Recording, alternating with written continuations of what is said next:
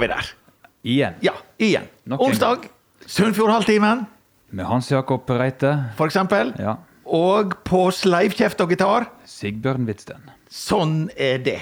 Og så er det jo da et eh, spørsmål Nå ser du at vi har fått forsterkinger inn på, eh, på teknisk side. Ja, nytt fjes bak Han. Espen var jo en staur sist. Han greide jo ikke å måre oss på lufta, for det var nesten midnatt.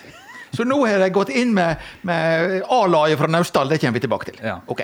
Viktigere gjesten i dag er Terje Lyngstad. Terje Lyngstad. Og vi har alltid sånn når vi har gjester. Ikke alltid, men vi liker best gjester som er, har noe sånn aktuelt med seg. Vi kjenner deg som jeg, ikke minst. Du er jo sjefen min. Vi har hatt samme jobb som informasjonsfolk på teateret og hei og hå. Eh, teatermann i 18 år eh, på det som da heter Sogn og Fjordane Teater. Og naturligvis springeren! Maratonløperen.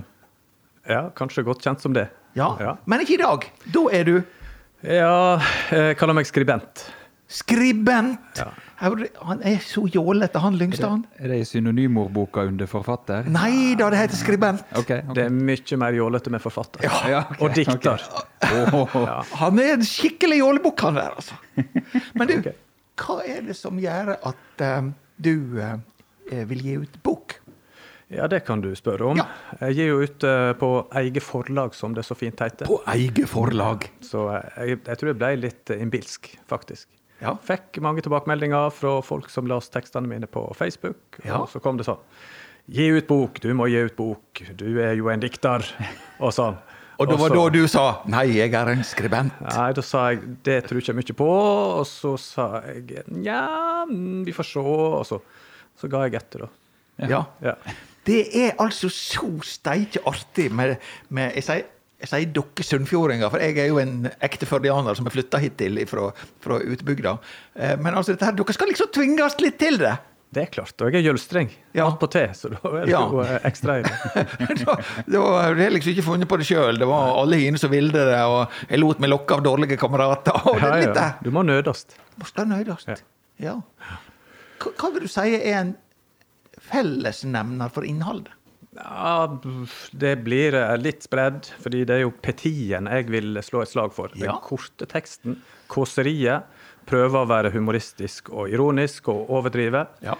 Eh, Hvis jeg skal samle deg noen eh, Men du har jo noe tema. Ja, noen båser så er det språk. Jeg er veldig opptatt av språk. Jeg er over gjennomsnittet opptatt av språk. Jeg, jeg, som når jeg kjenner deg fra teater, jeg jo si at det er langt på vei en diagnose hos deg. Jo, kanskje. Ja. Ja. Og så tror jeg at jeg er litt opptatt av eh, Jeg skal være så rett fram og si at jeg tilhører venstresida i politikken. Ja. Så jeg er opptatt av eh, de svakeste i samfunnet og håper at jeg de gangene jeg sparker, så sparker jeg oppover. Ja. Og tar litt i forsvar de andre. Ja. Det er jo litt sånn eh, Ja. ja. Men da har vi plassert det sånn. Um, det er jo sånn du skal ut og selge. Du er jo gammel salgsperson òg. Det var du jo på eh, teateret. Nå skal du både skrive og lage og hei og hei og hei, og så skal du selge. Ja, det er, men det er ikke noe jeg er bekvem med i det hele tatt. Det har jeg egentlig aldri likt. Jeg var jo i bank en gang og skulle selge bankprodukter, og det hata jeg faktisk. Så eh, det var godt, deg å, godt, å, godt å slutte. Ja. Så liksom, det å så gjøre ting fra A til Å helt alene, det er jo en ny erfaring. Som, Ja. Som eh, Ja, akkurat den siste biten. Men det er jo gøy òg, da, når folk kjøper. For det har jeg jo gjort, faktisk. Jeg har solgt eh, Ja, men hva tid eh, har det vært lansert? Det er jo trygt. Nei, jeg har jo, som sagt, gjør jeg alt sjøl, så er det bare én kanal. Det er Facebook og det er Messenger, og så går jeg på og spør folk vil du kjøpe, og så har jeg sagt hva det inneholder, og så har jeg faktisk fått napp fra et par-tre hundre. Før de får den i neven. Ja, men har, mange av de har jo lest det her på, Ja, ja, ja, ja. På, på nettet. Vareprøve. Men for de som ikke har Sigbjørn? Du har rett og slett tatt sånn førehåndsbestillinger, Så. Ja, på et vis. Og, og bare legge til at eh, Facebook er på en måte blitt eh, redaktøren. sant? For at Gjennom der så er det et filter, og så har du fått tilbakemeldinger. og Der, der du ikke får så mange gode tilbakemeldinger, da skjønner du mm, kanskje ikke så bra.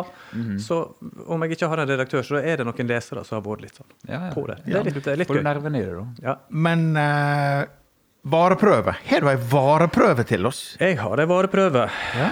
Da kan vi kanskje få akkompagnement òg, da. Får vi se om du klarer å følge innhold og et eller annet. Det er en eh, tekst eh, som jeg har kalt for 'Gode gamle dager'. Ja. Litt eh, nostalgi må vi ha når vi er passert 50. Ja. Skal vi kjøre på? Ja. Ok. Gode gamle dager. Når vi ser på forfallet kring oss med forurensning og narkotika og fotball og PlayStation, og unger som banna er oppe hele natta, er det lett å hevde at alt var mye bedre før. På den andre sida så blir jeg usikker på om det er så mye verre i dag enn for en mannsalder siden. Særlig når jeg tenker på barndommen min, slik han utarta seg på 60- og 70-tallet. På 1900-tallet, altså. Som femtemann i en søskenflokk på 18, alle fødte med to og tre måneders mellomrom, arbeidet jeg fra tidlig morgen til sein kveld fra jeg var ett år gammel. Enkelte av oss søsknene arbeidet til og med nattskift for å få det til å gå rundt. Og rundt gikk det ofte, til og med trill rundt sommertider. Selv om vi hadde mor vår kjær, var det inga kjære mor der i gården. Vi måtte kle på oss og av oss, rydde senga fem ganger daglig, bære vann og vaske rommet før og etter mat, om vi i det hele tatt fikk noe å ete.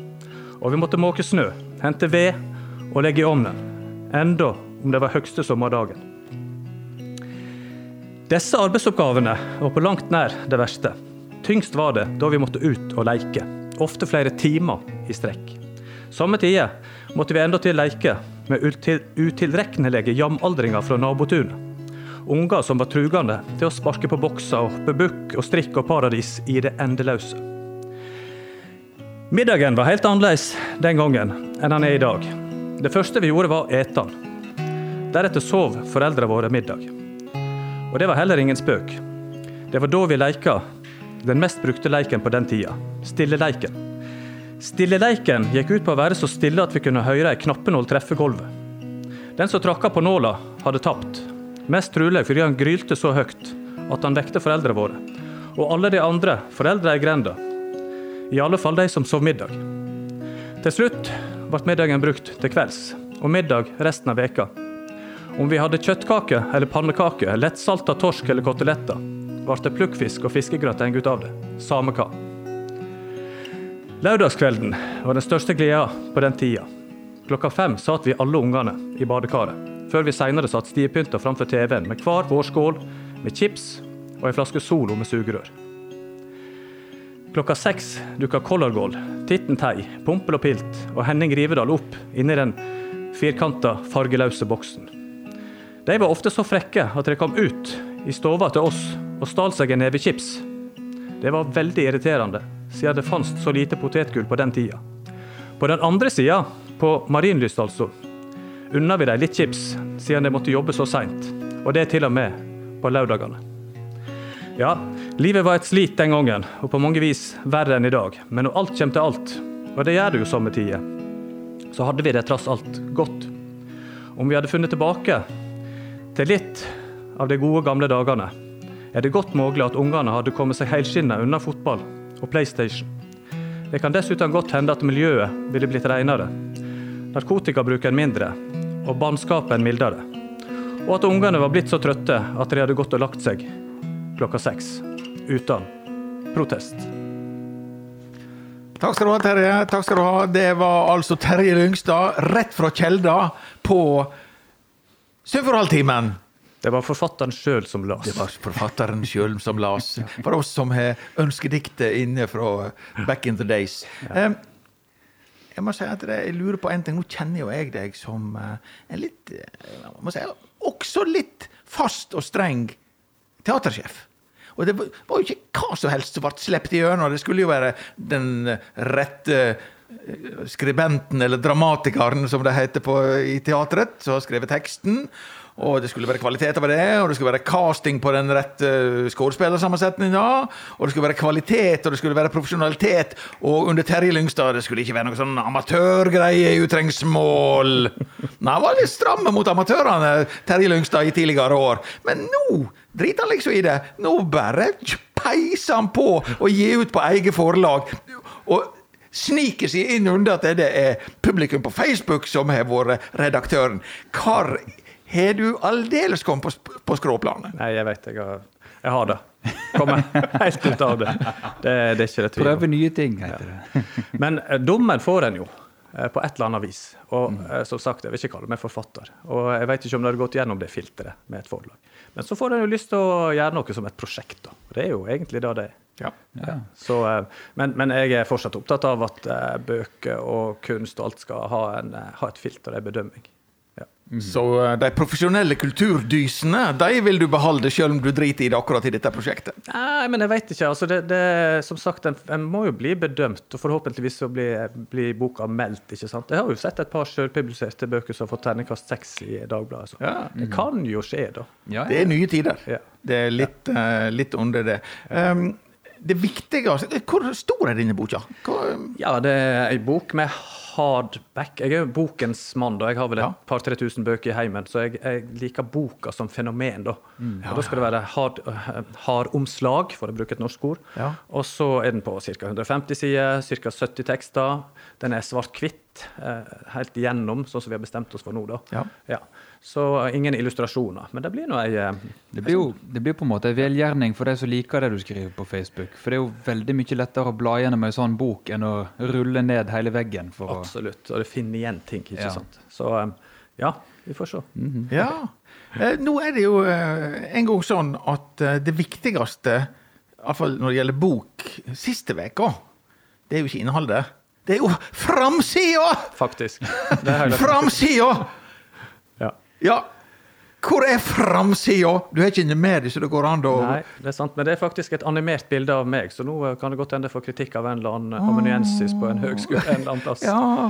som mener at jeg er framstilt litt for sexy eller et eller annet. Det er mulig. Nei og nei. Ja. Nei og nei, men du er jo svart-hvitt, så du er jo ikke i grønn kjole, iallfall. Men jeg kommer unna det av en grunn. Jeg er mann. Ja. Ja. Mann med godt gråstenk, det Ja, nei, nei. Hadia eh, Tajik, hun fikk jo fres for det at hun var i eh, Ja. i grønn kjole og så helt skapelig fresh ut. ja, ja, ja. Nei, jeg la merke til det. Det er Ja. litt gammeldagse greier, da, syns jeg. Ja. Den- den- Nei, eh, da må jeg komme med Jeg fikk sånn godhug for hun eh, Tadja. Det hører nå meg jeg soga at jeg aldri stemte Arbeiderpartiet, og jeg kommer ikke til å gjøre det nå heller. Men jeg har et fellesskap med henne. Ja. Ja. Jeg har hang til grønn kjole. Ja, ja, ja. Ja, ja, ja. ja. Grønn mann. Og grønn mann. Og det kan si at jeg har gått grønn mann i Førde. Og sammen med denne ruskende gjengen som sitter rundt bordet her, ikke minst alter ego uh, Sigbjørn uh, Gitt ut film uh, i, i spilledåseform òg. Og, og jeg var jo så sikker på at når jeg hadde den vakre grønne kjolen, ikke så bjart som politikeren, men likevel, i Førde-standard, så var det for mann å være en kjole. Så spør jeg jo han Espen Nyttingnes, som sitter borti sofaen her og, og med et sleskt glis rundt kjeften. Ja, det er vel jeg som skal pryde framsida da, på plakat og på. Vet du hva han gjorde? Han sett piker opp en bilde av en båt. Ja, Ser du? jeg ser det. Ja. Ja, men det var en fin framside. Ja, det var en fin framside, men det kunne vært bilde av meg der i grønn kjole. sånn at jeg setter en standard for eh, Det blir aldri nok deg. Aldri nok deg. Det blir aldri nok meg! eh, men eh, når en har sånne kompiser som Nyttingnesen, da blir du duppa ned. Dette er typisk. For mitt forslag til, til Ivar Høyvik, så har Han er en slags Han er jo i samme gjengen som denne produsentgjengen Ja, ja. her på podden. På Dakar, Ja. Men iallfall, da hadde jeg et svært bilde av meg sjøl, dekte nesten hele sida. Ja. Og så en sånn wanted-plakat lignende, for det heter jo Etterlyst. Ja, ja, ja. Etterlyst. Ja. Så han har jo tona det ned til en sånn liten tennisball midt på sida. Disse rakkerne. Ja. Men De er til oss med store ego, og det er godt. Det er godt. du ble knøfta ned, og jeg eh, fikk så vidt ligge liten ned i en båt. Men eh, sånn var det. Sånn det. Du, eh, så langt om bok. Ja. Eh, springeren, maratonløperen, eh, gir ikke fred. Nei, men jeg sliter nå. Det siste har jeg vært skada, så da, da har jeg fått skrevet mer, da. Ja, Tross alt. det- er, sånn bild, er, du, er, du, er du liksom på sjekkeren? Det er sånn sjekketriks. Dette er litt sånn gråstenka menn når de begynner å få sånne idrettsskader. Er du der nå? Ja, muligens. Men nå har jeg dame, da, så Hun skal, er det hun som hører på alt sytet, da? Nei, det er ikke så mye syting heller. Men eh, springing er jo en eh, artig sak, og jeg har sprunget mye opp igjennom. Og, Ja. Men én ting som er litt eh, artig å tenke på siste året, jeg som er en fellesskapets mann, føler jeg meg sjøl som, det er at dette er nå ett prosjekt, ei bok, der du gjør alt fra A til Å. Men i sommer så laga jeg et løp ifra Førde til Rivedal, 53 km. Og da òg gjorde jeg alt fra A til Å når det gjaldt løpet. Så hjalp mm. søstera mi meg med alt som hadde med mottak framme i den andre Det å ha ei søster ja. i Rivedal. Men du har ei tjukk rot i Rivedal, har ikke du det? Ja, det er farsgarden mm. som søstera mi har tatt over. Ja, ja. Så der ligger Rivedal galleri, og Oddveig er søstera mi holder til der med, med mannen sin. og det står på. Men uh, det var òg et sånt uh, kanonprosjekt, og plutselig så var det 100 stykker som deltok, og full stemning, og ja, det var det var helt uh, Men hva er det som driver det? Altså maraton. Jeg kan jo gå med en fjelltur og gå med svett og en med det andre, men det er hva som driver det gjennom en maraton? Gang etter gang og helg etter helg. Ja, Nå er ikke det så mye helg etter helg på maraton. Fordi jeg har nå vel sprunget 150-60 maratonløp i seg sjøl. Og da, det er litt stress, egentlig. For da skal det gå litt fort. og, og jeg, jeg vant til og med Jølster maraton en gang, og det var litt sånn kav og pes, og du snakker jo ikke med en person. Nei. Så da fikk jeg eh, lyst på å springe ultraløp. For det er alt som er lengre enn maraton. Og det er gode greier. For da går du litt, og det er sosialt, preiker med folk. Det er helt annet, ja, det er helt annet fenomen. Det, okay. det, er skikkelig sosialt gøy.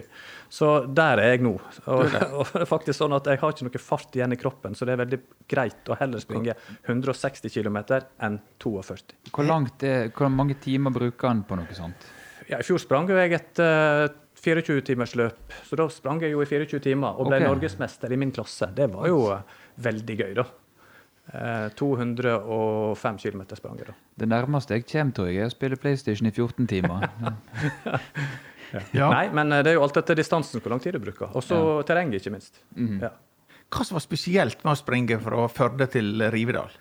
Ja, nå har jeg gjort det flere ganger og så fått med meg folk to Altså Vi har arrangert to ganger. Nå skal vi jo fortsette med det. Ja. Det blir en tradisjon. Ja. Eh, det som er spesielt med det sammenlignet med andre ultraløp, det er eh, variasjonen i at du har alt. Du har byen, der starter du, og så har du grus, Langland og utover. Så har du litt asfalt igjen ut til Laukland. Og derifra er det terreng i 20 km fra, altså fra Masbu til Nipebu. Ja. Og, og, ned igjen til Rivdal. Så du, du, får med deg alt, og du får høydemeter, 2000 høgdemeter. Og, 2000 ja. høydemeter til sammen? Til sammen, ja. Oi, oi, oi. Det er nesten tre ganger på Hafstadfjellet, det. Omtrent alle underlag unntatt vann, da. Ja, det er ikke, ja, og så hadde vi jo da eh, så helt sjukt grisevær at det regna oppover. Og, og fra, fra Lauklandsdølen til Rivdal så var det alle sa at de sprang i ei elv. Okay. Bokstavelig talt. da. Så det er nesten et triatlon? Eh. Ja, en slags eh, Vi hadde ikke sykkel, da. Nei, ok. Du Sigbjørn, er du med på den der neste år? Nei, som sagt, eh, hvis det er noe lignende på PlayStation, så uh, hiver jeg meg på med VR-briller hvis noen spanderer. Altså, ja. vi, vi, hadde med oss et par gutter her fra Førde som begynte å trene 14 dager før. Uh, og det, det fullførte. Okay. kom, jo, men det er jo bare å gjøre det seint nok. Kom før meg i mål, for jeg skulle være sist. Uh, og jeg sleit nå meg bra utover på 9 timer og 30 minutter. Eller noe hvis, jeg skulle, gjort, hvis jeg skulle tatt den, så hadde de gått til å gå av seg gangsperra hele turen, egentlig. Ja. Nei, men det kan, kan godt hende det er et visst grunnlag i andre idretter. Ja, det kan ja, det. Var, det var bra. Hvis vi nå eh, Vi er jo sultne. nå las jo du ei historie, men det var mer en tekst. Så det teller ikke som historie, det teller som Eh, vareprøve fra skribenten. Eh, hvis vi er på disse her ja, springinga di og uh, skribentgjerninga di Har du noen historier du vil dele med oss der? Ja, historier fins det vel. Ak akkurat når det gjelder tekstene her, da. Ja. kan ta det først. Ja. Som jeg syns var, var, både overraskende og litt morsomt. Iallfall for meg. Jeg vet ikke hvordan det var for journalisten i Firda. Men jeg har jo en tekst inni her der jeg Og det jeg gjør, da det er jo å overdrive, det hører dere jo. Ja, ja, ja. Vi er jo ikke akkurat 18 unger som er født med to måneders mellomrom. Nei, men det er ikke mye annerledes. Nei, ja ja. men jeg setter jeg-personen inn i situasjoner som jeg sjøl ikke er og aldri ville ha kommet i heller. Mm. Så den ene teksten her som heter 'Ærlig talt', da forteller jeg eh, hvordan jeg har svindla Nav for flere hundre tusen over mange år. Ja. Og jeg legger den ut klokka halv fire. Jeg er på jobb på fagskolen og bare måker den ut på Facebook. Klokka fire når jeg kommer hjem, akkurat innenfor døra, så ringer Firda og lurer på om jeg vil snakke om det. og så sier jeg du mener ikke det er fullt alvor. Og journalisten da sier at hm, ja, jeg fikk nå ei ordre ovenfra, så jeg måtte nesten ringe. Så, eh, men skal ikke, skal ikke ja, vi, vi, vi, er veldig spent på navnet på den, da. Det, det skjer ikke. Men, men, eh, det er noe med, som jeg sier til studentene mine òg, bruk av humor og ironi, det skal en vokte seg for. Også. For det, hvis det blir misforstått, så Ja, det er ikke alltid lett. Nei. Det, det er ikke alltid lett, men det er kanskje noe av det vanskeligste er på nett.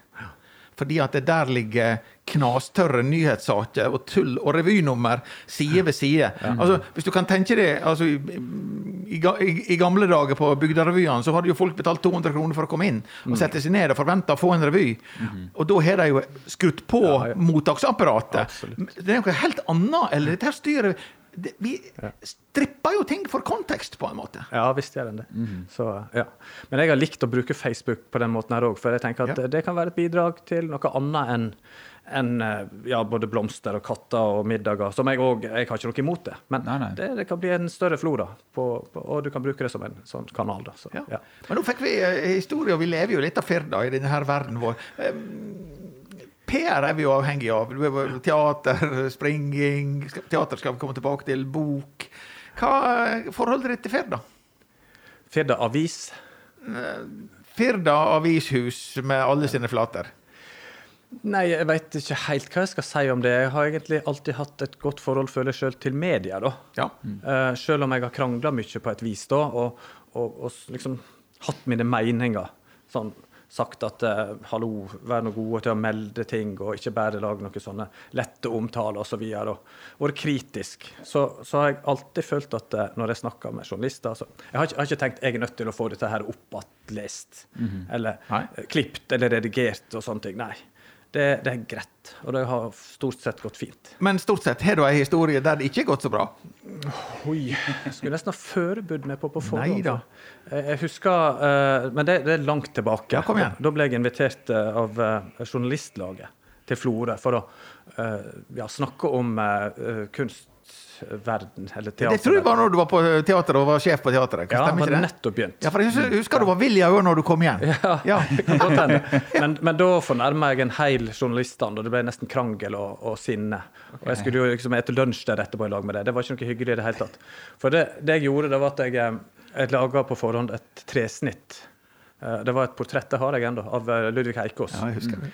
Og, og så fikk jeg dattera mi, hun var ikke mer enn eh, fem år, da, til å klatte i hop noe um, greier. Så va- vannfarger, da, sånn akvarellignende. og bare noen firkanter. Jeg tror faktisk det henger bort på teateret ennå. Ja.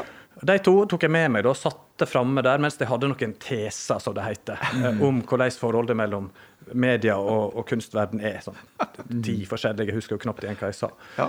Og så spurte jeg til slutt hvem eh, om kunne bedømme disse kunstverkene, da, det var kunst og sånt. Ja. Og det, Dette var midt i en debatt, større debatt om Helge Segrov, og Stig Eikås satte opp Oddvar Thorsheim-statue her, og det var vurdering av kunst og sånn. Uh, og så påstår de liksom at dette her var kunst, da, på et vis. Og jeg sa det er jo ikke det, det er jo bare noe rabbel som jeg har laga. så, så jeg husker Arne Nøst, på, som er scenograf og vår Ja. teatersjef, og alt sånt, og en av Ja. våre fineste tegnere. Han bare så på bildet mitt, og så sa han med en gang 'It's a nice piece of shit'. så det var jo det det var, da. Ja, ja. Så da ble de Ja, da, da var ikke de så fornøyde, kan du Nei, si. men jeg husker når du kom inn, at da var du ganske vill i øynene og så sa 'dette gikk ikke bra'. Så, du kom inn døra på teateret og sa 'dette gikk ikke bra'. Men kanskje det gikk bra. Jeg, har, jeg, jeg føler at jeg har et godt forhold til journalister den dag i dag, og at jeg alltid har villet snakke med dem og sånt. Ja, det, det tror jeg også. Eh, Sigbjørn, eh, ditt forhold til eh, Firda og vårt Vårt forhold til Firda er jo at de er vår faste låtskriverspalte. som De legger ut tekster hele tida, og jeg prøver febrilsk å sette melodi til dem. Ja, kult. Ja. Denne gangen så er det Hva slags det, var, tema denne uka? det har vært et gjennomgående tema siste veka. Så jeg har tatt litt av fire saker som henger litt sammen. Eh, stikkordet er mus. Ja. Jeg har jo eh, sikkert 15-20 sånne leietakere i vegger og tak som ikke betaler for seg eh, hos meg, så ikke får jeg tak i musehell- musefelle heller, for det er tomt. Nettopp. Så jeg har bare én sånn liten sak som jeg stikker i en stikkontakt, som skal lage en lyd som jeg ikke hører, som, som skal skremme vekk musene. Men Ja. det er full fest når jeg skal legge meg om kvelden. Ha. Så det I alle fall. Det er fire forskjellige saker, og de henger litt sammen. Men vi greier å holde ser deg åt, for å si det sånn. Vi Ja, det er musikalsk skifte. i- Musikalsk skifte. Ja. Det er, dette er nesten en medley.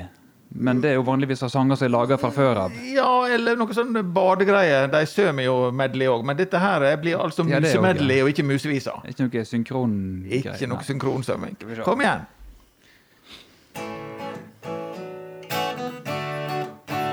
Har jeg lyd i gitaren? Ok. Fikk seg ei overrasking da de sjekka kvifor det ikke kom vann for kanna. Da Kjell Eikemo og barnebarnet hans skulle vatne noen blomster, sperra de auga opp. Dette vart ei oppleving han gleda seg til å fortelje om, sier Eikemo. Det kom ikke særleg vatten ut tuten på vasskanna da Eikemo og hans yngste barnebarn Ludvig på fire år hadde lyst til å vatne noen blomstrar på Hellestranda i Holmedal på lørdag. Og Dette undra både gutten og Eikemo svært over da de skulle undersøke hvorfor kikka årsaka på de begge ut fra tuten med to kålsvarte små øyne, for der satt det fast ei mus. Leila og mannen har tatt over hundre mus i feller. Invasjonen begynte for to-tre veker siden, sier Leila Årnes, som i Ikkefjorden på Høyanger sørside. Den første veka bare rann det inn med mus. I fellene vi setter opp, og så var fellene fulle. Så setter vi deg opp att, og fellene gikk fulle igjen, sier Leila Årnes, som bor sammen med mannen Kjell Arne Soli på et gardsbruk i Itjefjorden på Høyanger sørside. Har det noe å si at det bor på en gard, kanskje? Her er i alle fall mange hus for deg å trekke inn i via Bustadhuset. En verkstad, ei løe og et gammelt kårhus med jordkjeller, så det er rikelig med stader som ønsker musene velkomne, ler Årnes. Leif Gunnar fikk ei overrasking da han skulle sjekke musefella. Han tenkte 'her er ei mus', men det var det slettes ikke. Leif Gunnar Vervik fra Balestrand fikk en slimete fangst i fella, hvis du skjønner hva jeg mener. Jeg har aldri opplevd å få brun snigel i fella før, sier Vervik, og forteller lattermildt at det var en som kommenterte at snigelen ikke engang rakk fram til maten. Snigelen ble erklært død på staden. Og fikk en kort seremoni før den gikk tilbake til naturen. Jeg heiv den i utmarka.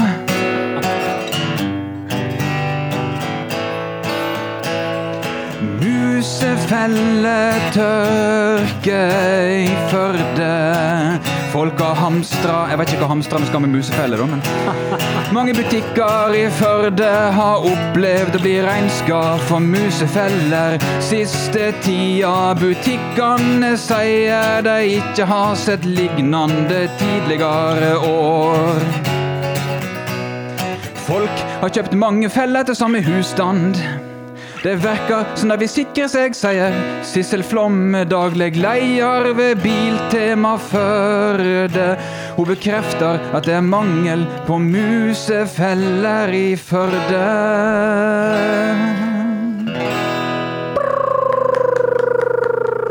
Musemedley, det var det første gang vi har hatt medley. Ja. Ja. Nye, Ja, nye museviser anno 2020. Ja, nydelig. Nyskapende sjanger. Da kan jeg fortelle deg, um, Terje, at uh, det som gjør at vi får lov å holde på på dette, her, det er at uh, Remi, rocker Remi, han får holde opp med oss. Og da kommer, inn, kommer han inn like kjekt hver gang. Og så er ikke vi alle som kan komme med. Og kanskje blir du involvert. Kanskje får du sitte og se eller høre på. Dette her er ute av vår kontroll. Det er vel sånn fortsatt at uh, Jeg, han er ved innbytter, så vi skulle hatt en sånn tavle som de har i fotball. Ja, sånn, uh, Vær så god. Sigbjørn går i kroki, og hei, Remi. Personlig spørsmål, hva gjorde du på sist? Yo, yo, yo! Hva jeg gjorde på sist? Er du skulka? Hva? Det, top secret! Nei da. Eh, det er bare rett og slett sånn at jeg har ikke tid til å leke med deg hver eneste uke. Får du det. Nei da. Men det er kjekt at du er. Ja. Det var jækla synd at jeg ikke fikk eh, være med forrige gang. Eh, men det er klart at eh, da har jo alle lytterne noe å glede seg til. Remi er tilbake. ja, så det er back til Remi-TV, som du kaller det. Remi TV. Og i dag så skal vi gjøre noe helt nytt som vanlig. Og det innebærer faktisk at eh, du skal få lov å være med. Det er okay. ikke noe skummelt. Eh, og Hans Jakob, han, eh, han er på flørteren, som han kaller det. Han har gjort seg skal. Jeg har altså, ikke det du kalte det? Jeg har altså strekt ryggen, så jeg må få sitte pint i ro. Ja. Ja. Det var på flørteren, så jeg forsto det. Da, ja, ja. det yrke, idrettsskade. På, på noe så sexy som vinterdekk. Ja. Uten grønn kjole. ja, men du vet det, det er jo det de driver med, disse her eh, muskelbuntene som skal overtrene seg opp til verdens sterkeste mann. Oh. Så det var Førdes sterkeste mann. Det er det han har drevet på med. Det er dekkløfting-konkurranse oppe i feltet. Husker dere, husker dere Stian Grimseth, når han ble så aldeles ut av det i rydden, og så var spørsmålet hva han har gjort? Jeg snodde meg i senga. Ja, ja. Sjøl den beste. Ja, jo. Men det går jo fint eh, an å slite seg til noe, et eller annet. Absolutt. Men du har noe i posen. Jeg har mye i posen. Og det er rett og slett eh, Det var så mye greier her Ja, ja. ja. i dag. Og det som er i dag, det er det at eh, vi skal prøve noe nytt. Og før jeg plukker ut av posen, så Eller jeg kan plukke ut av posen. Eh, og det som er, er rett og slett at jeg har med masse gjenstander. Jeg har en eh, keyboard-øsje. En emballasje. Jeg har eh, bobleplast. Og jeg har en eh, Altså en, eh, en miniblåser, så du blåser av eh, elektronikk eller den objektiv. eh, Du må holde den til kameraet. Ja. Yes, yes. Den lager lyd. Jeg bare så heiser med stæsj på bordet. Og her er altså snytepapir, lommetørkle. Jeg har med ei flaske med såpe. Jeg har med en, en liten plastikkboks. Skjønner du sikkert hva han kan holde på med? Og så har jeg med eh, bruskorker. Og så har jeg med en Post-It eh, eh, Gule lapper. Gule lapper. Jeg har med ei flaske. Ei tom Farris-flaske. Nei, ikke tom. Nei, ei flaske noe- med noe oppi. Det er vann og såpe. Ja, det ser sånn ut. Og så har jeg med en eh, aluminiumslinjal. På 20 cent eller vel så det. 20 centi. Ja. Og så har jeg med en eh, gammel eh, fotoboks med Kan du bare stoppe litt? Aner du, eh, Terje, hva dette her bærer i? Nei. Har ikke peiling. Har du tenkt å flytte inn her, Jeg skal flytte inn. Jeg skal flytte inn. Dette er også Dette er faktisk Det er en, en boks med Nå ringer det her. Sånn. Der er det å Eh, en boks med kulelagerkule oppi. For et kulelager til faktisk en Ford Connect, hvis det er noen som lurer. Og så har jeg med meg et eh, karbonrør, Ja. som er da et kamerautstyr. Et rails, som vi kaller det. Og så har jeg med to bordtennisballer. Og så, sist Sist, men mest. men ikke minst, så har jeg eh, med eh, Altså, det er sånn her eh, Så du putter i munnen, så eh, Som eh, Ja, eller bruspulver. Jævla store kondom. Nei da, det er ikke ikke større enn de som jeg bruker. Nei Neida, Det, det er crack-ups, heter det. Det er sånn som du putter Det er eh, pulver som du har inni munnen, som lager lyd. Jeg har med mange typer. Eller flere typer. Med flere sånne. Og så en pose som vi hiver vekk. Ja, det er altså de ulike tinga, eller elementer, som jeg har med. Og så skal jeg lese opp noen faktaopplysninger, bare sånn at vi ikke skiter oss helt ut.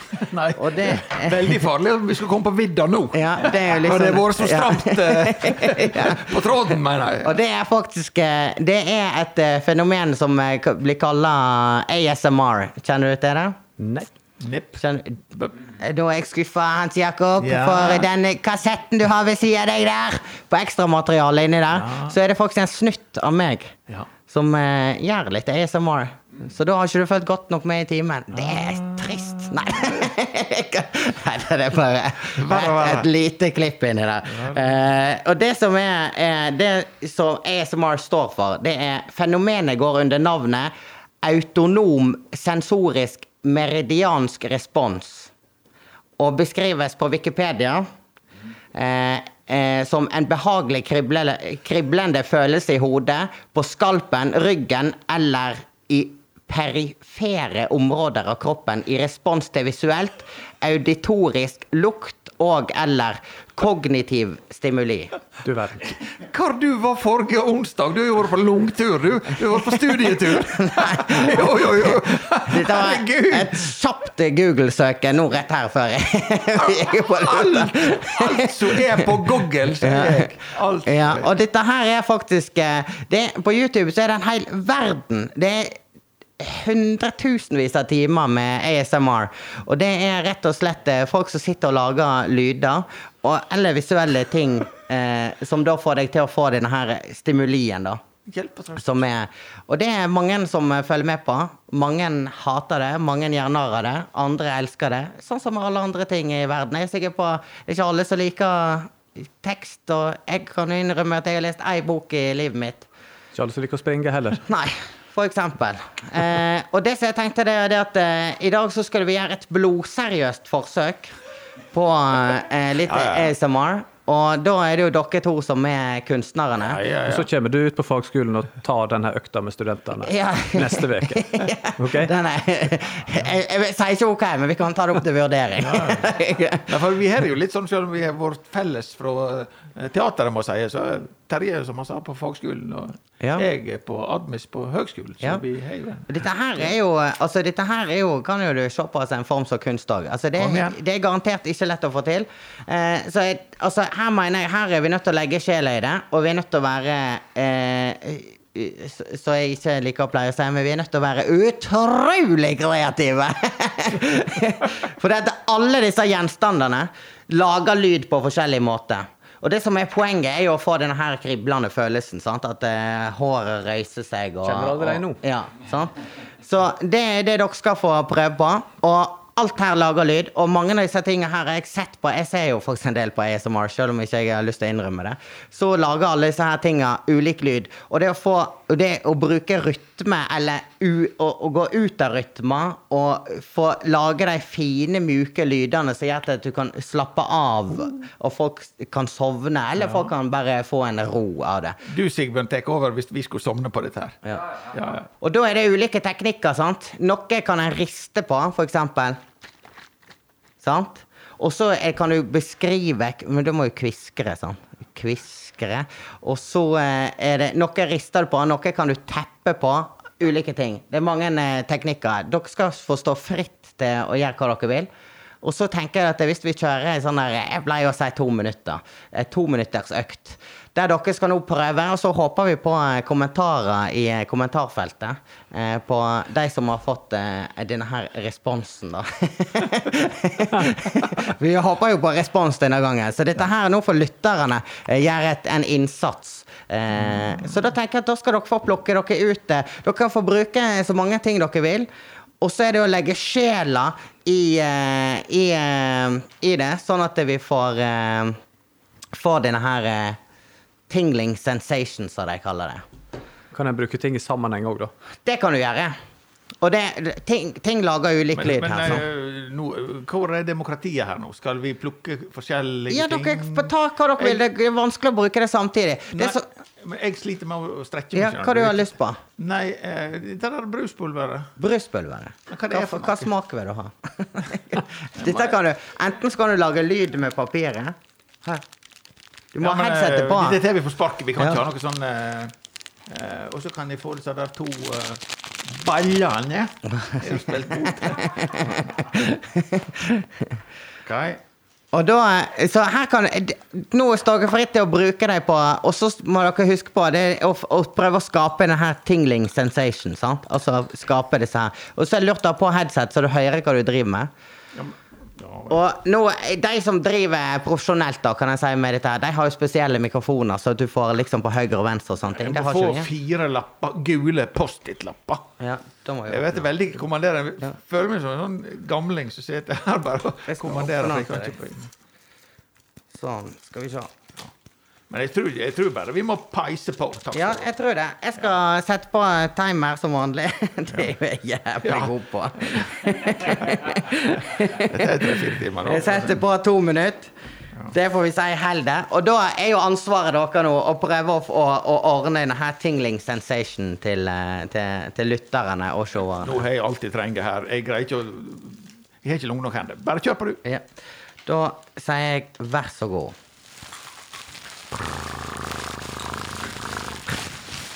Nei, det går ikke.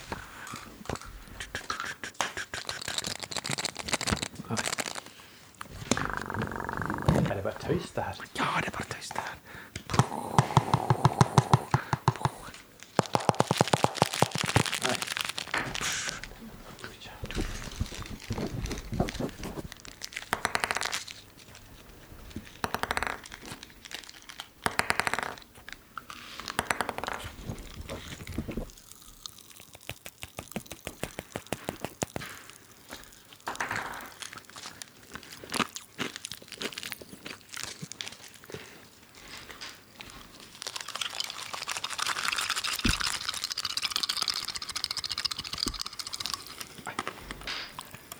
Her gir iallfall ikke meg frysninger.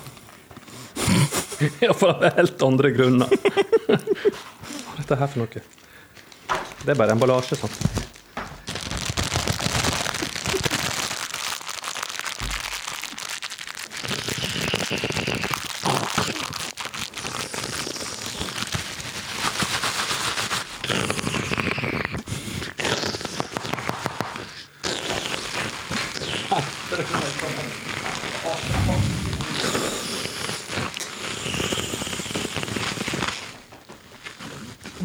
Halloween, du, eh, Sigbjørn. Jeg trenger litt avstand.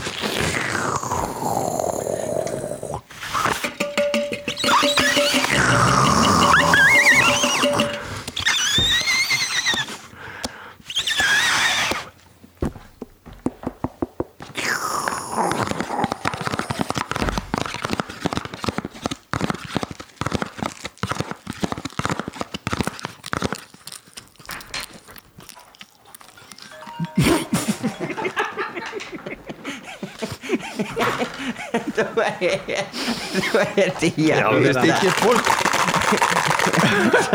ja. Altså, jeg vil si Det er jo Altså, det er jo bra innsats. Og jeg ser jo faktisk det at det, At det, dere blir jo litt gira. Jeg ser jo Hans Jakob, for eksempel. Han er jo helt i hundre.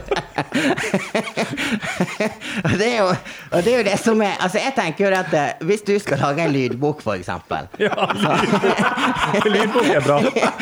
jo, Da har jo, vi- men altså, da har vi stoff her, altså. Skal du lage en lydbok, sånn, så er det et eller annet med det at det, Sånn som, Det var jo veldig fint i stad når han spiller litt i bakgrunnen. Sånn. Og det går an å gjøre ting mer eksperimentelt. Sant? Altså å få inn disse her ulike lydene. Og det er jo det som er det er jo litt eh, interessant, dette. Og det er klart at når dere sitter her nå og gjør dette, her, sånn, så får ikke dere frysninger. Jo! dere er jo Jeg fikk kjempefrysninger! Det kan ikke du bedømme! Men Det som, er, det som er gøy med lyder, da, Ja. er jo at jeg har vært i Radioteatret på NRK mange ganger Ja, ja. og sett på hvordan de lager lyder der. Men det er jo ikke de lydene. Altså, når du går på, eh, på grusen, for Ja, ja. eksempel, så er det jo helt noe annet som skjer. Sant? Ja, det er jo dritfett. Og det er jo faktisk en, en- en type sånne ting som jeg kunne tenkt meg å begynt med. Å lydsette filmer med å gjøre det, eh, sånne ting. Og det er jo dritfett, da. Eh, og jeg tenker jo det at altså dette her altså så, så, For min del så er jo dette her eh, den Kanskje ikke akkurat denne her. Denne her men denne var jo bra. Den ble jo veldig bra. Jeg gleder meg til å høre den sånn i fred og ro. Ja. Må, må skrive i kommentarfeltet om noen av lytterne fikk gåseforhud av dette. Og det er jo det som Altså, dette her har jo redda meg. Eh, altså, det, det som er i, det. Jeg vil tro at det er dette som redder deg i livet. Akkurat dette her redder livet. Nei, men altså, jeg sliter jo med å, å sove på kveldene. Og da har du Og det som er det at det er en så jævla stor verden. Det er det samme som skuespiller. sant? Noen skuespillere liker du bedre enn andre, og sånn er det i dette her òg. Og noen av disse ASMR-folka Altså, alle har forskjellige ting de er gode på, og alt sånne ting, så det er hele hel verden, dette her. Eh, og noen Når du finner noen som du på en måte eh, gjør dette her på en måte som tilfredsstiller deg, da, så er du i søvn på Ikke på null komma niks, det er vanskelig å si, men det kan skje. Men, eh, men det er klart at det er effekter eh, er jo eh, en del av eh, teateret òg. Og jeg må si at det, det kan jeg holde opp Førde-filmen. Si at det, det første filmen jeg var med på ei uke, det var inne i Angedalen. Varg Veum-film. Jeg Fikk være gamle lensmann. Gikk og trakka at i det filmteamet Jeg var jo stort sett vekklippet. Jeg var jo bare så vidt jeg kom med. Jeg tror det var 3,8 sekunder. Ja, ja. Men, og, nei, men poenget er at jeg fikk se på alle de effektene effekter og alt det som de laga. Ja. Og folk trodde at jeg bare var der fordi jeg var PR-kåt. Ja. Ikke bare. Jeg var, Nei, nei. der, jeg var der faktisk for å studere uh, ting og tang. Jeg vil nesten Ja. si ingen Førde-film uten Varg Veum i Angerdalen. Ja. Ja, ja. Men altså, dette er jo det som er sant? Det er jævlig mye spennende som skjer rundt om bak eh, kulissene som ikke en vet om. Og det er jo sånn, det hadde jo vært forferdelig trist hvis det hadde vært det samme som hadde skjedd i Førde-filmen. Så mye som du gjør. så vi klipp deg helt ut. Remi! Rakkar Remi. Remi-TV. Da takker jeg for nå. Og da kjekt når du kommer hjem, men neste gang kommer du igjen. Du driver ikke med mer skulking nå. Nei, jeg gjør ikke det. Og da forlanger jeg eh, en respons i kommentarfeltet denne, denne gangen. Takk skal du ha, Ok, Remi. Sjøl Takk takk. Peace. Hei! Og eh, Sigbjørn tilbake på stolen. Eh, du uh, eh, Terje, vi skifter litt uh, eh, emne. Vi kan, det, er en, det er noe som heter nitimeovergang. Det er en sånn litt sånn halvnaturlig overgang. Men det her ble faktisk ikke så tosken. Nå når vi har vært i leike- og teaterværa i konkurranse vi har gjort ting som ikke vi gjør så veldig ofte. Ja. Teatermenneske, teatertida di. Du var jo eh, teatersjef her oppe i tolv år. Ja. Ja, Ja. det var litt av en distanse. ja, det var kanskje litt for lenge, syns eh, mange. Ja. Ja, men ikke du. Nei, ja, po, kanskje det siste året var litt drøyt. Men det er mer sånn, da skal du gå blir nesten litt uave. Så, eh, men jeg håper jo at det, det var blei ble, Hva er du er mest stolt over når det gjelder Når du liksom er tolv år som sjef på selveste Sogn og Fjordane Teater, hva er det den ene tingen som blenker mest? Ja, Det er ikke så vanskelig å svare på, eh, og det er egentlig to. For vi er det eneste Jeg sier er fortsatt, fordi jeg føler meg en del, som en del av teatret fremdeles. Helt sikkert er jeg dauer. Ja. Eh, Det er at vi er det eneste teatret i eh, landet som har fått to Hedda-priser for særlig faglig kunstnerisk innsats. Ingen andre. Ikke Nationaltheatret, ikke DNS osv. Selv om jeg bare én ting, så må du få si begge to. Ja, altså Den første var jo det vi gjorde med eh, rundt det som skjedde med Arve BM Karlsen. Han, for de som ikke vet det, så, så døde han i, i Sogndalselva i 1999. Vi lagde Ja. en forestilling som heter 'Sammen skal vi leve'. Ble spilt eh, både her og på Riksteatret i 2005. Så fikk vi den prisen for, for det at vi jobba så aktivt med sånn ja, Vi hadde mye lengre prøvetid, masse greier. Vi, vi Ja. satsa på det. Og så i 2011, seks år senere, fikk vi eh, Hedda-prisen fordi vi eh, ja, rett og slett fordi vi setter opp så mye ny norsk dramatikk. Vi hadde på den tida, den, fram til den perioden, eller da, hadde vi sett opp 27 uh, urpremierer. Og når Ja. jeg var ferdig på teatret, så hadde vi vel en rundt 47 urpremierer. Det var ingen andre som slo oss på det da. Så her var ikke bare å uh, kopiere Per Gynt, for å si det sånn. Nei, det var mitt program at eh, vi gjør det som vi kan best og bedre enn andre. Men hvis vi prøver oss på Ibsen og Shakespeare, så gjør vi det sannsynligvis med litt mindre ressurser enn de har, mildt sagt. Kanskje dårligere. Ja. Det, det er litt sånn flåsete og stort fortalt sagt. Men øh, det er jo uh, uh, Velge seg noe han kan bli best i, og så Ja. kjøre på med det. Ja, det var Ja. tanken. Og regionteatertanken. Altså, vi er jo i Sogn og Fjordane. Eller nå er det blitt Vestland, da, men, Ja, ja. men og, og ta opp historier, ting som var ifra, ifra fylket her. da. Etter de tolv åra, hva du angrer på den dagen du gikk ut? Det fikk jeg pokker ikke gjort. Det skulle Det ble ikke. Ingenting. Ingenting. Går Nei. ut med høy nese. Jeg gjorde alt jeg var tenkt til. Altså, Jeg ble jo tilsett som teatersjef på Hordaland Teater rett etter at jeg var her. Ja. Og det ble jo en katastrofe for meg personlig, og forhåpentligvis ikke for teatret. Fordi at jeg kom i konflikt og, og måtte slutte midt i år og sånt. Så jeg var liksom på vei videre til en annen jobb og, og, og tenkte at jeg skulle få gjort en del forestillinger der som jeg ikke fikk gjort her. Blant annet Jon Fosse. Jeg fikk faktisk gjort ett Fosse-stykke. Det var teater som jeg følte ikke gikk så godt her. Det hadde ikke det Men det skulle du gjøre i. Bergen med bravur. Ja, og sette opp et Fosse-stykke i året. Ja. Eh, ja. Og hadde god kontakt med Jon Foss. Og, liksom han syntes at det, det teatret der inne var Ja. hans teater og sånn. Så um, Nei, jeg angrer ikke på eller, Men det skar seg. Ja, ja, det skal seg skikkelig. Ja. Det var min dårligste opplevelse i livet sånn sett da. Ja. Eh, det var det. Um, Men nå skulle vi ha det kjekt. ja, det, nei, nei, nei, nei. Du, vi, vi skal ha alle Vi skal ha alle sinnsstemninger med oss. Ja, ja, ja. Hva, vi har jo alle våre seire og tap. Du, um, historie fra teater uh, når du har vært tolv år som sjef. Hva Ei historie fra den tida der? En historie som liksom er litt morsom. Ja, det trenger ikke å være. Men uh, noe som du Et minne. Noe fra minneboka. Noe fra minneboka. Åh, nå ble det stille i studio. Ja, det var stille i Jeg studio. har liksom ikke sånn um, Nei, da måtte jeg, tenke, jeg må jo tenke meg litt om det. spør Ja. noe annet i mellomtida. Ja. Så må jeg sortere opp i arkivet mitt. Jeg, jeg er veldig Ja, men- flink til å glemme, Ah, ah, ah, men du, da skal du få en liten tenkepause. Er du med på det? Du får en tenkepause. Så jeg har noe Jo, men jeg har en liten historie som jeg kommer på nå, som eh, Hans Jakob Reite er involvert i. At du, du, var jo, du var jo min eh, eh, medarbeider. Og, og, og lansedrager. Ja. Og jeg mener, eh, du var inne i bildet når vi Han er flink laga å dra lanser, han. Ja, når vi laga den boka som, Yes. eh, for, for teatret. Ja. Og da Jeg var opp igjen eh, Jeg hadde jo først en periode, og så var jeg opp igjen og vikarierte. Dette var i vikarperioden min. Yes. Og Hans Jakob, for dere som ikke kjenner han som medarbeider, så er han en veldig kritisk person til mye. Og i det øyeblikket noe er bestemt, selv om han da ikke syns at dette var noe greier, så går han inn for det med hud og hår. Det er det vi kaller lojalitet på sitt beste.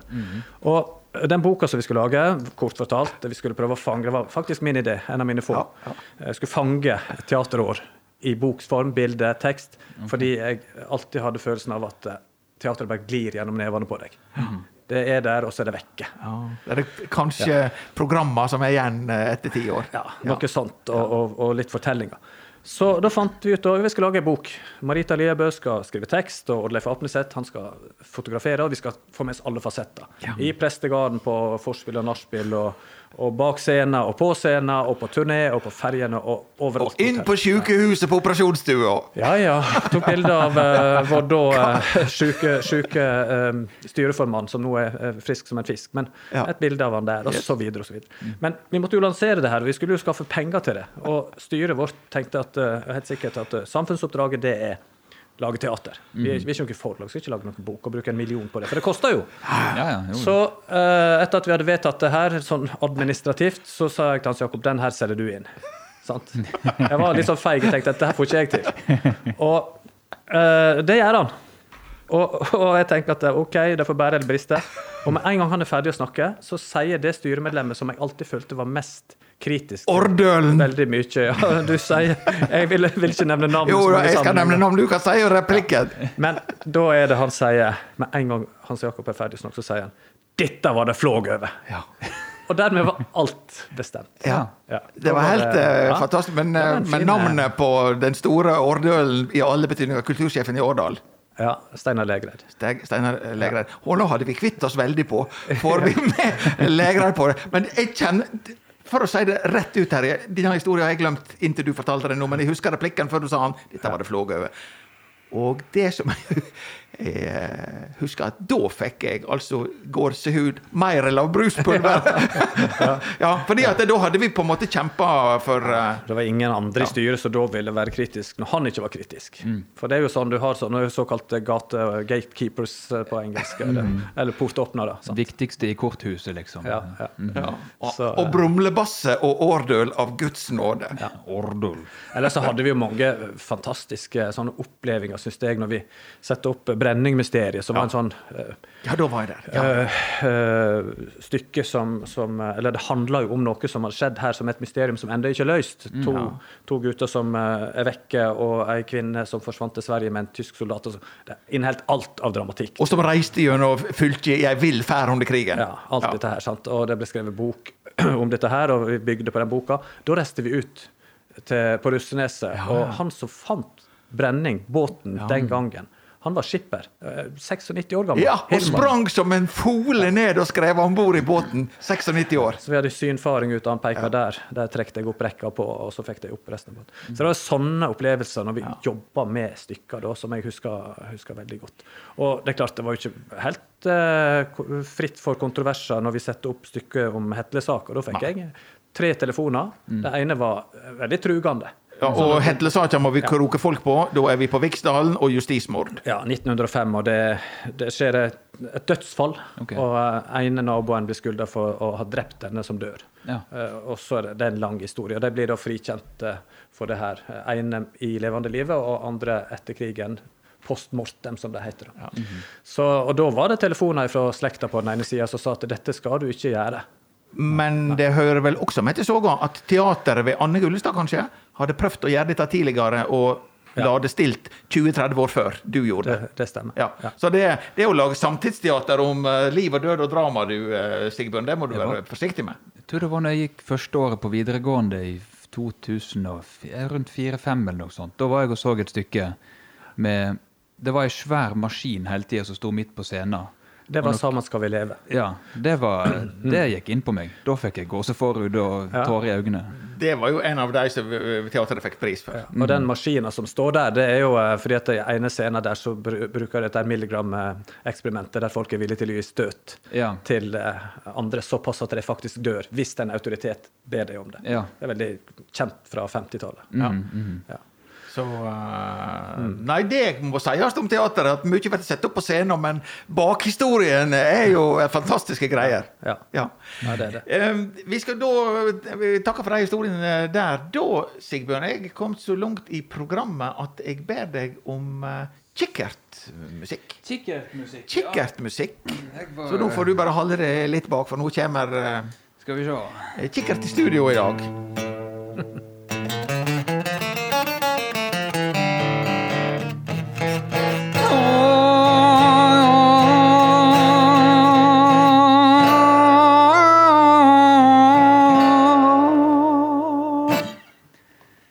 Hvorfor så dramatisk kikkert? Nei, kik kikkert er jo en av hovedingrediensene i falafel, og det er jo Midtøsten. Nei, du, du, du. Nå, nå eh, vil nå jeg da si eh, det er god musikk, okay. men eh, jeg satt jo dog og vifta med denne.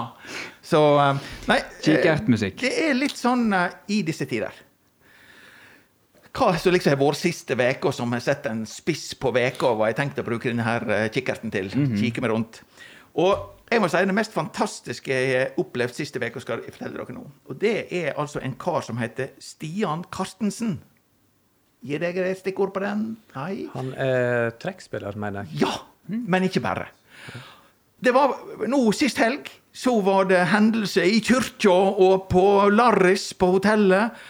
Og så var det litt sånn fram og tilbake med programmet, så de måtte improvisere litt. og Derfor gjorde at han Stian Karstensen fikk mer plass han egentlig var tenkt til. Det var altså en løgnas av uh, Guds nåde. Eminent, hemningsløs entertainer. Fordi at han var så god musikalsk på trekkspill. Og på historiefortelling. Groteske historier som du bare måtte gi deg over. Uh, det er det er to ting. For det første var han helt sånn at det er snakk om gåsehud. Da bare satt de sånn og gapte og var sugd helt inn i det. Det er den ene og viktigste biten. Det andre Gud, hva jeg har savna den levende kultur. Og det er kjekt med podkaster og plater og nett og alt. Men direkte sending, sånn som vi sitter her nå og har sånn sagt, kjenner varmen av hverandre og svettelukta. Ah, folk er folk, og vi må tilba komme tilbake til den tida.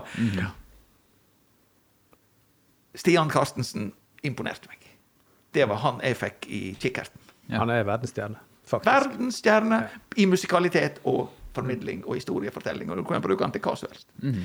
Vi begynner å nærme oss uh, slutten på denne økta, du, uh, Terje. Og eh, det glemte jeg å si på vei inn i studio, men du får vite det nå, du som trenger litt betenkningstid. Vi har noe som er at vi tenner litt lys mot slutten. Skal du ha potta mi, da? Ja, jeg skal ha potta di, sånn at du blir utfordra ikke på å tenne lys, du skal ta det helt med ro, men hvem du kunne ha tenkt deg Og da velger du sjanger. Er det noe nært og kjært? Er det noen du vil holde ap med?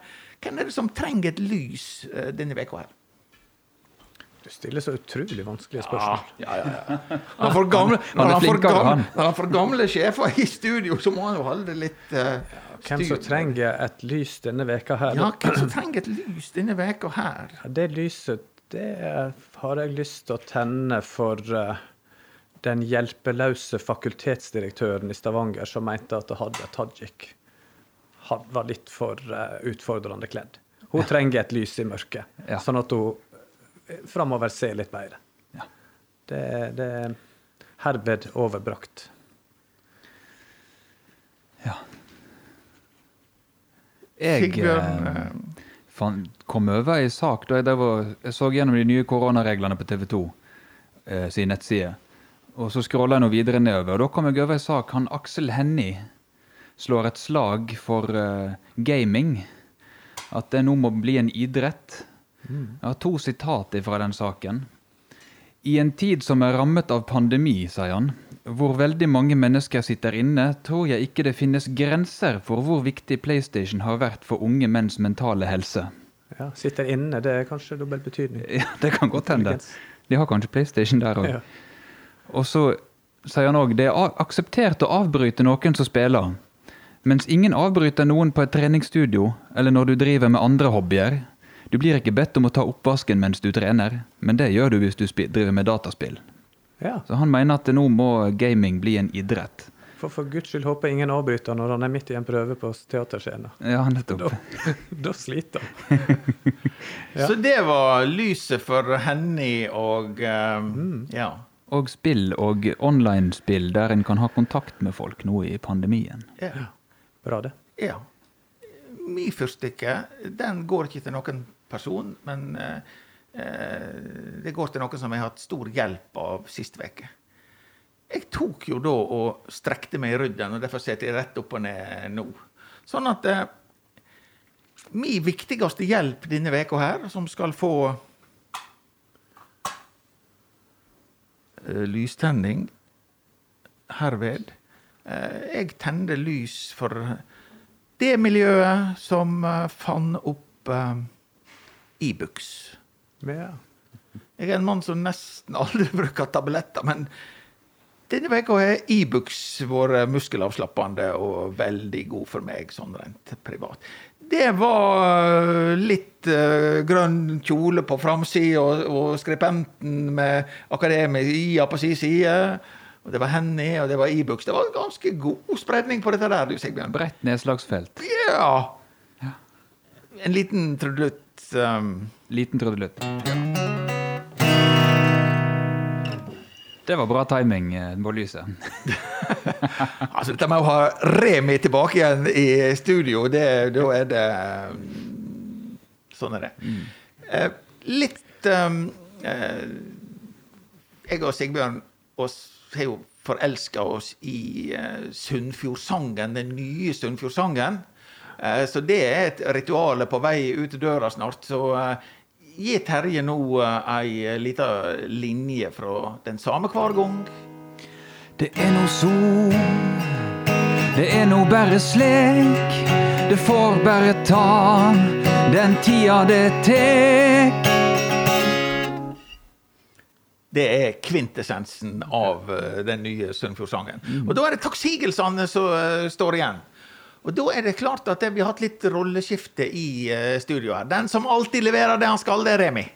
Den som har vært veldig tilbakelent, men som har vært trufast, er det nummer 15 vi er nå? Episode 15? Er du Ifølge mappesystemet mitt så skal det stemme, ja. Ja, 15. episode. Espen, men ser du hvor rolig Espen er sittet helt bak i Nyttingnesen, bak i sofaen? Ja, visst. Fordi at han har innkjøring av uh, ny tekniker. Mats Horstad. Og det er jo sjølveste Madsen fra kommentatorkoret på mandager. Eh, Du får ikke, du får ikke bestemannspremien, Mats, før eh, vi ser at dette her kommer på lufta. Men du har et veldig godt utgangspunkt, for han staura det sånn til Espen eh, i sist periode. sånn at får du dette her ut til rett, Han rister på hodet og skulder på internett. Det er typisk sånne teknikere. Da skulder. Nei, det var nettet. Ja, ja, ja. ja. Det er Nei, fotballspillere som ser ned på skoene sine. Ja, ser ned på skoene sine og lurer på hvor lissa ligger. Mats, du kan mer eller det både være kommentator, kor, programleder og tekniker. Takk til deg. Terje, kjekt å ha deg i studio. Håper du selger bok og tvi-tvi og alt sånt. Sigbjørn, på gitar og sleivkjeft som vanlig.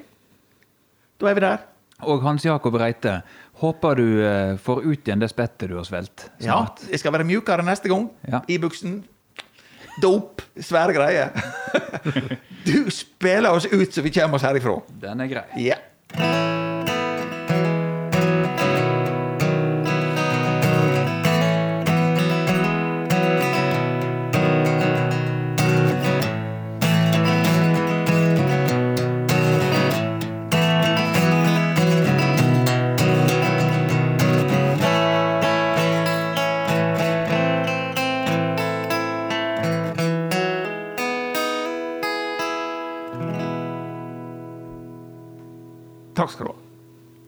Vær så god.